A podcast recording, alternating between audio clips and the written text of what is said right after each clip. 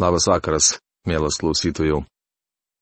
Šiandien mes toliau keliaujame Senojo testamento puslapiais, nagrinėdami psalmes. Primenu, kad praėjusioje laidoje pradėjome apžvalgą 62 psalmės, kurios tema tik psalmė. Noriu priminti, kad tik psalmė ne todėl, kad ji yra tik psalmė ir daugiau niekas, bet todėl, kad Joje labai reikšmingas žodelis tik. Daug kartų mes jį girdėjome. Tik Dievo tyliai laukia mano siela, tik Jis yra mano uola ir mano išgelbėjimas, tik apgaulės jie sumano, kad suklaidintų. Tik Dievo tyliai lauk mano siela. Tik Jis yra mano gelbstinti, uola verčia profesorius Algirdas Jurienas. Mes su jumis apžvelgiame kelias potėmes - tai tikėjimo, ištyrimas bei tikėjimo metas. Šiandien savo laidą pradedame nagrinėdami tikėjimo triumfą. Žmonės tik migla, mirtingieji tik tariamybė. Visi sudėti ant svarstyklių, jie tesvertų mažiau už miglą. 62 psalmės 10 eilutė. Davidas suprato, jog negali pasitikėti minę, ne žmonės nepastovus. Įsitikino, kad negalima pasitikėti aukštas pareigas užimančiais pareigūnais, tokiais kaip Ahitofelis. Tai pirmas dalykas, kurį turi išmokti naujatikis. Žiūrėti ne į žmonės, bet į Dievą. Daugelis naujai įtikėjusių krikščionių nusivilia ir netenka drąsos, nes jų akis nukrypsta į žmonės. Neseniai vienas naujatikis man pasiguodė, kad nukreipė savo žvilgsnį į žmonės ir jo tikėjimo laivas sudužo. Davidas visą laiką žinojo negalys pasikliauti žmonėmis, tad pasitikėjo tik Dievu. Jis stovėjo ant nepajudinamos uolos. Dar Davidas sako, kad mes negalime pasitikėti materialiais dalykais. Nepasitikėkite smurtu, nesudėkite tuščių vilčių į plėšikavimą. Net jeigu turtai ir didėtų, neprisiriškite prie jų širdimi. 60 antros psalmės 11 eilutė. Dabar pasiklausykite išvados. Kodėl galite pasitikėti Dievu? Vienas įk Dievas kalbėjo, dusik girdėjau, kad galybė yra Dievo. 62 psalmės 12 eilutė. Bičiuli, jūs galite pasitikėti Dievu, nes Jis visagalis jam priklauso visa galybė, tad jis gali padaryti viską, ką tik nori. Pats iš savęs Davidas neturėjo jokios galios. Jis buvo didis karalius tik todėl, kad Dievas panorėjo padaryti jį didžiu karaliumi. Dabar Dievas leidžia maištininkams išstumti jį iš Jeruzalės. Ir jei jis nenorės, kad Davidas grįžtų, jis negrįž. Tačiau Davidas visiškai atsiduoda Dievui, nes jo yra visa galybė. Šiandien žmonės trūks plyš stengiasi įgyti kuo daugiau galius. Tai žlugdo pasaulį. Tam tikslui buvo sukurta ir atominė bomba. Tokia žmonių pastangomis pagrįsta gale neša pražūtį. Tačiau Davidas sakosi supratęs, jog tikra gale neatsiejama nuo kito elemento. Ir kad ištikima meilė yra tavo viešpatie, juk tu atlygini kiekvienam pagal jo darbus. 62. Psalmės 13 eilutė. Jei jums duota gale, turite būti gailestingas.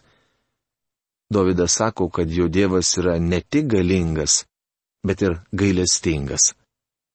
Izraelio karalius liepė Cadokui parnešti sandurus skrynę atgal į Jeruzalę ir pastatyti šventykloje. Mat tikėjusi, kad Dievas bus jam gailestingas. Pačiame Senojo testamento laikų religijos centre buvo malonės sostas. Šiandien gailestingumas yra krikščioniško tikėjimo šerdis. Jei jūs slegia nuodėmi, eikite pas viešpatį, jis gailestingas. Manau, tai ir norėjo pasakyti Džordžas Benardas giesmės žodžiais. Aš šliesiuosi prie seno netašyto kryžiaus. Mums reikia gailestingumo. Bičiuliai šioje psalmėje aprašomas brangus santykis su Dievu. Girdime, kaip Dovydas išlėja savo širdį Dievui. Jis kalbasi su Dievu, sakydamas jam, Tu esi mano išgelbėjimas, tu mano uola. Daugelis žmonių maldos susirinkimų ar sekmadieninių tarnavimų metu jaučia įtampą. Melsdamiesi jie negali atsipalaiduoti, nes stengiasi sakyti tai, kas teisinga ir pasirinkti teisingus žodžius.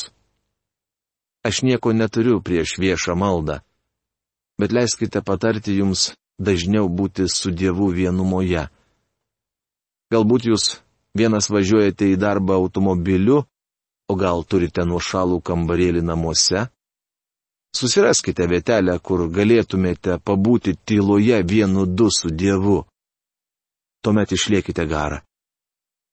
Yra laikas susijuosti strėnas ir yra laikas diržą atleisti. Atsipalaiduoti Dievo akivaizdoje. Kai tarnavau pasadenoje, moterys mano studijų kambarėlyje patiesė grublėtą kilimėlį. Tai buvo mano pirmas grublėtas kilimėlis ir man jis labai patiko. Sukniubdavau ant jo priešais viešpatį ir išlėdavau jam savo širdį. Jei šis būdas naudingas man, nebejoju, jog bus naudingas ir jums. Tai atgaivina labiausiai. 63 psalmi. Tema - troškulys gyvybės vandens. Tai Davido psalmė jam esant judo dykumoje. Ši psalmė ypatinga. Ji tarsi tepalas pilamas ant žaizdų, tarsi tvarstis joms aprišti, tarsi gydomasis balzamas, kuriuo įtrinami sumušimai, kad greičiau užgytų. Bažnyčia visais laikais labai vertino šią psalmę, mat joje kalbama apie troškulį gyvybės vandens. Krizostomas rašė, jog ankstyvosios bažnyčios tėvai buvo nusprendę, kad ši psalmė turi būti kasdien gėdama viešai. Anot jo, ankstyvojoje bažnyčioje ji buvo gėdama kas ryt arba kas kart, kai buvo rengiamas viešas susirinkimas. Rytiniai tarnavimai visuomet prasidėdavo šią psalmę. Šiame psalmino skyriuje randame daug nuostabių minčių. Dieve, tu mano Dievas, tavęs aš ieškau, mano siela tavęs ilgisi, mano kūnas tavęs trokšta, kaip sausa, pavargusi ir perdžiūvusi žemė. Leisk man pažvelgti į tave šventovėje, leisk man pamatyti tavo galybę ir garbę. 63 psalmės antra trečia eilutės. Šias dvi eilutes daktaras Gebeleinas verčia taip. O Dieve, tu esi mano Dievas. Anksti aš tavęs ieškau, tavęs trokšta mano siela. Ilgisi tavęs mano kūnas sausoje ir ištroškusioje žemėje be vandens, kai įbedu į tave žvilgsnį šventykloje, norėdamas išvysti tavo galybę ir šlovę. Taip gali kalbėti tik tikėjimas. Amžinasis Dievas pranoksta bet kokį žmogišką supratimą. Jis - kurėjas, Jis atpirkėjas. Jis mano tėvas. Jo ieškojo Dovydas. Šiam vyrui buvo pažįstamas troškulys.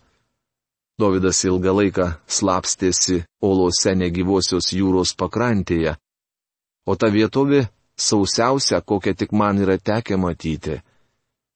Kalifornijos, Arizonos ar New Mexico valstijos sausumu toli gražu neprilyksta Engedžio apylinkėms.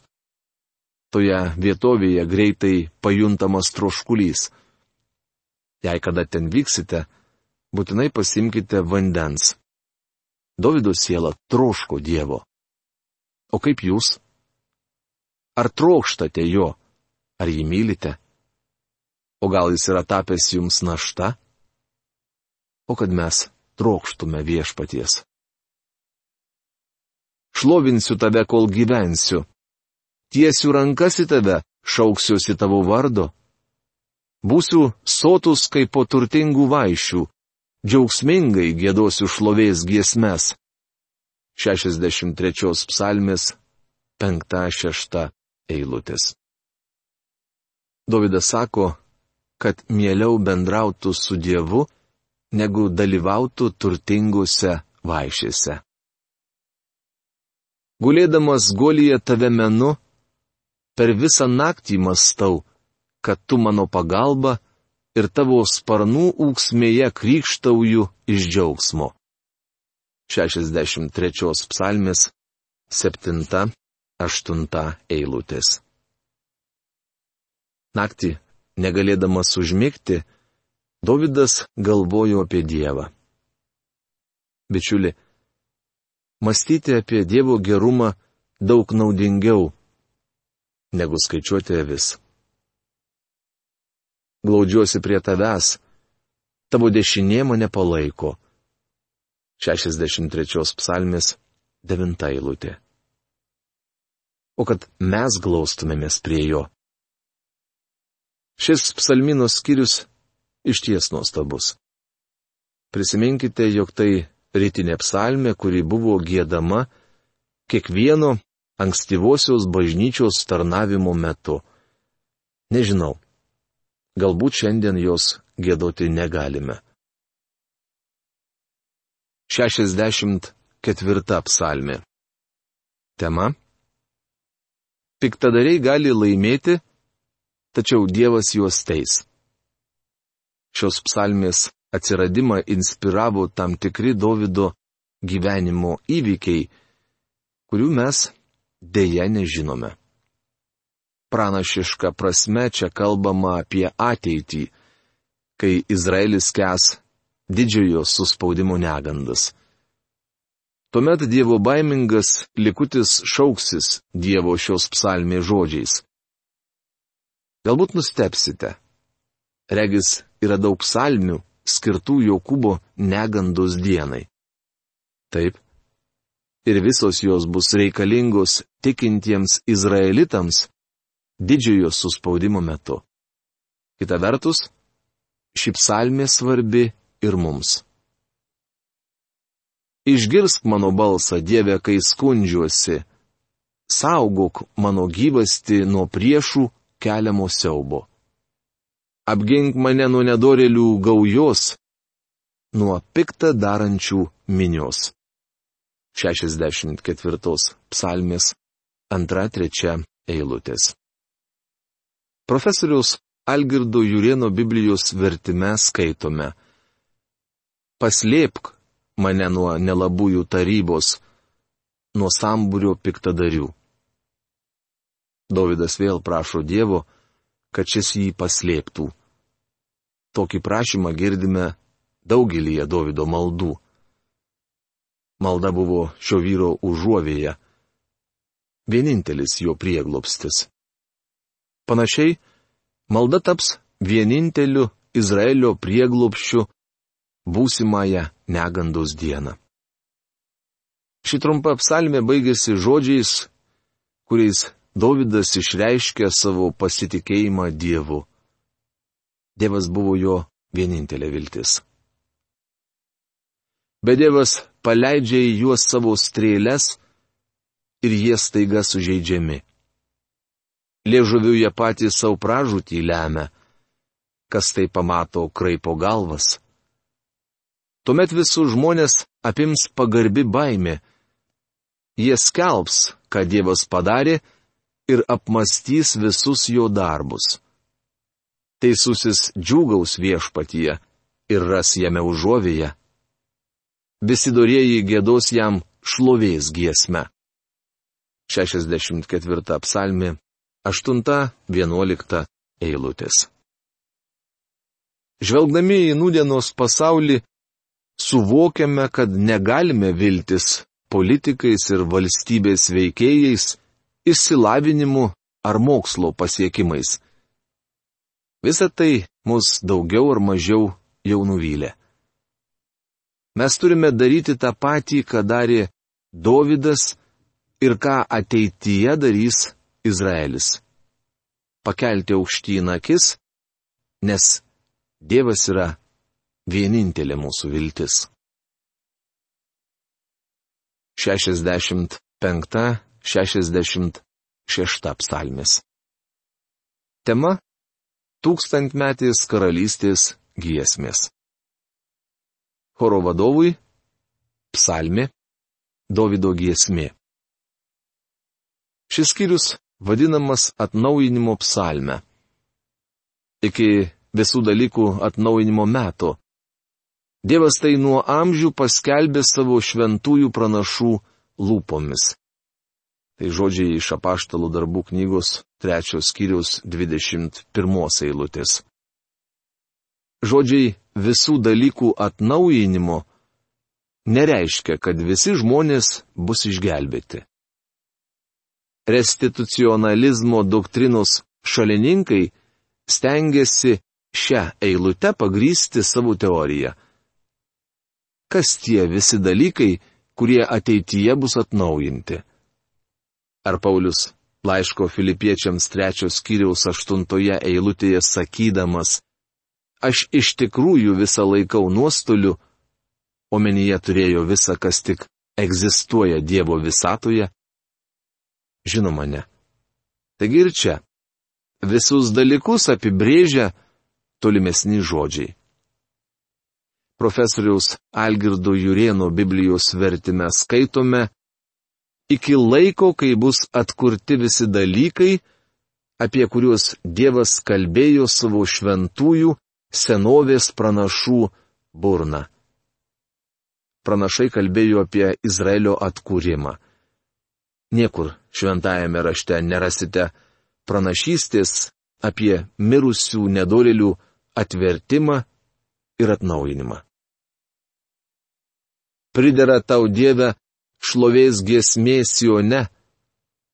Įžadai tau padaryti bus įvykdyti.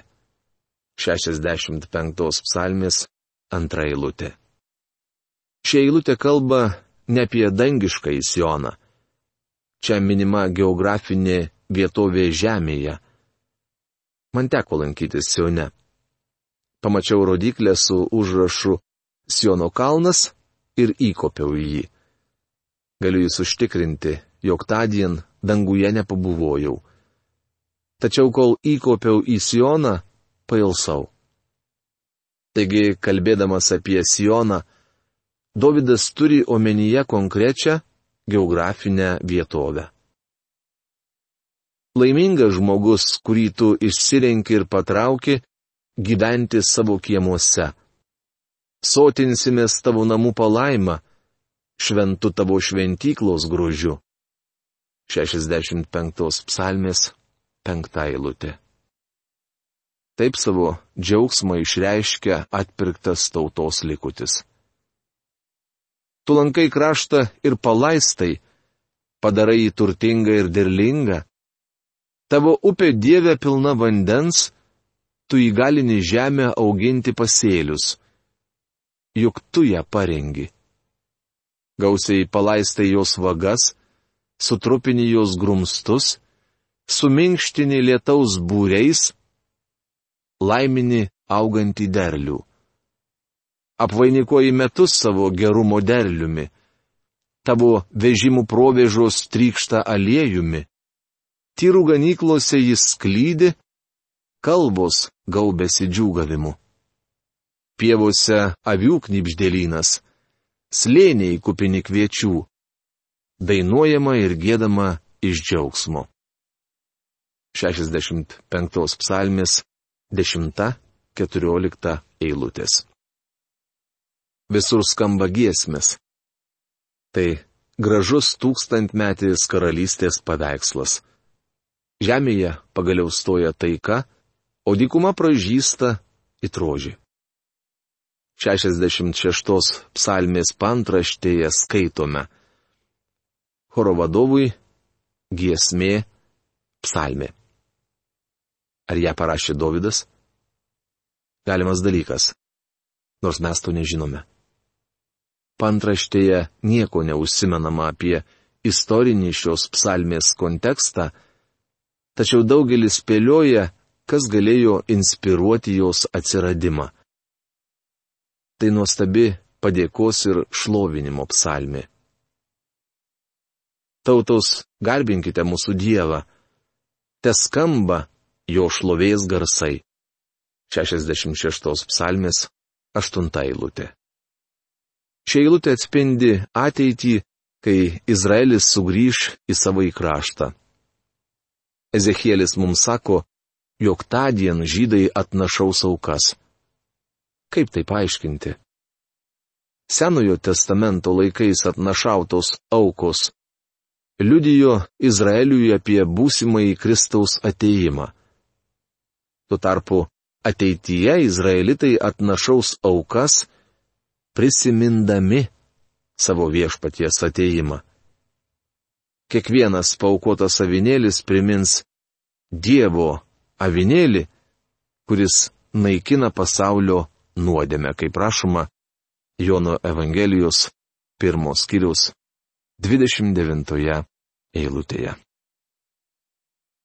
Mielas klausytojų, Šiandien savo laidą baigiame. Iki malonaus susitikimo. Sudė.